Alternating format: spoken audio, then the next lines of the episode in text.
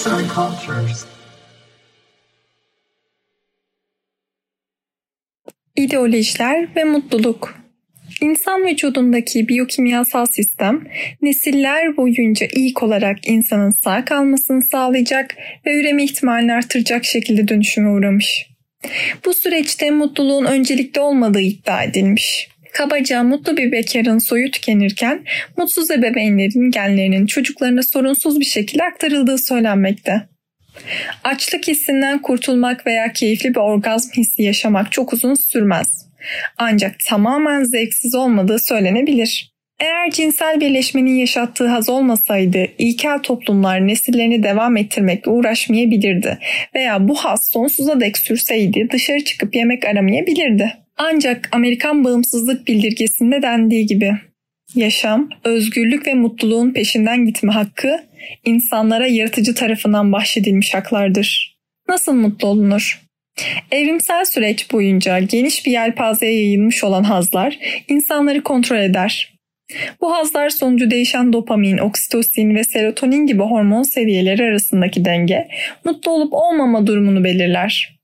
Şanslı bir biyokimyaya sahip kişi 10 üzerinden 6 ila 8 arası değişecek bir mutluluk seviyesiyle doğmuşsa, mutluluğu 3 ile 7 arasında değişecek bir biyokimya ile doğan kişiye göre yaşadığı sorunlar daha büyük olsa bile daha mutlu olacak. İdeolojiler, semavi dinler ve mutluluk. Dünyaya hakim olduğu iddia edilen liberalizmde mutluluk anlayışı semavi dinlerden oldukça farklı. Liberalizm bireysel hazzı ve mutluluğu önemser. Semavi dinlere göre ise haz veren birçok eylem ibadet etmekten daha önemli veya yaratıcı katına daha değerli değildir. Dinler de bu sorunu ölümden sonra yaşam anlayışıyla çözer. Örnek bir inanan olan kişi bu dünyada elini sürmedikleriyle ölümden sonraki hayatta ödüllendirilir. Öte yandan kapitalizm, inananların yapılması buyurulan her şeyi yerine getirdiği ilk ve tek dindir. İnsanlar da birer hayvandır ve doğaya ihtiyaç duyar. Mutluluğu biyolojik temelde ararken betonun orada evrimsel süreçte adı dahi geçmeyecek kadar kısa bir süredir var olduğu hatırlanmalı. Bu görüşü savunan stoacılıkta insanın temel amacı mutluluk olarak tanımlanır ve mutluluk için doğaya uyumlu yaşama felsefesi benimsenir. Peki tüm bu ideolojiler, felsefeler ve inanç sistemleri insanlığı daha mı mutlu yaptı? Dünyadan Mars'ı ilk kez görüntüleyen bilim insanı, ilk ateşi yakan insandan daha mı mutluydu? Eğer değilse tüm bu soyut sistemleri, bilim ve sanatı geliştirmenin anlamı neydi? İnsanın elindeki güç arttıkça mekanik ve hissiz bir noktaya evrilmiştir.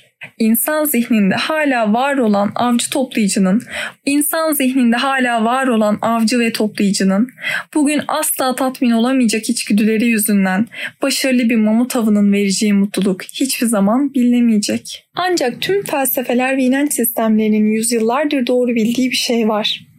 Günümüzde bilişsel çalışmalar tarafından ispatlanmış bu gerçek, mutluluğun sadece beklentiyle ilişkili olduğu. Eğer bir el arabası isteyen biri bir el arabası alabiliyorsa mutludur. Ancak Porsche isterken Tofaş alabilen biri mutlu değildir.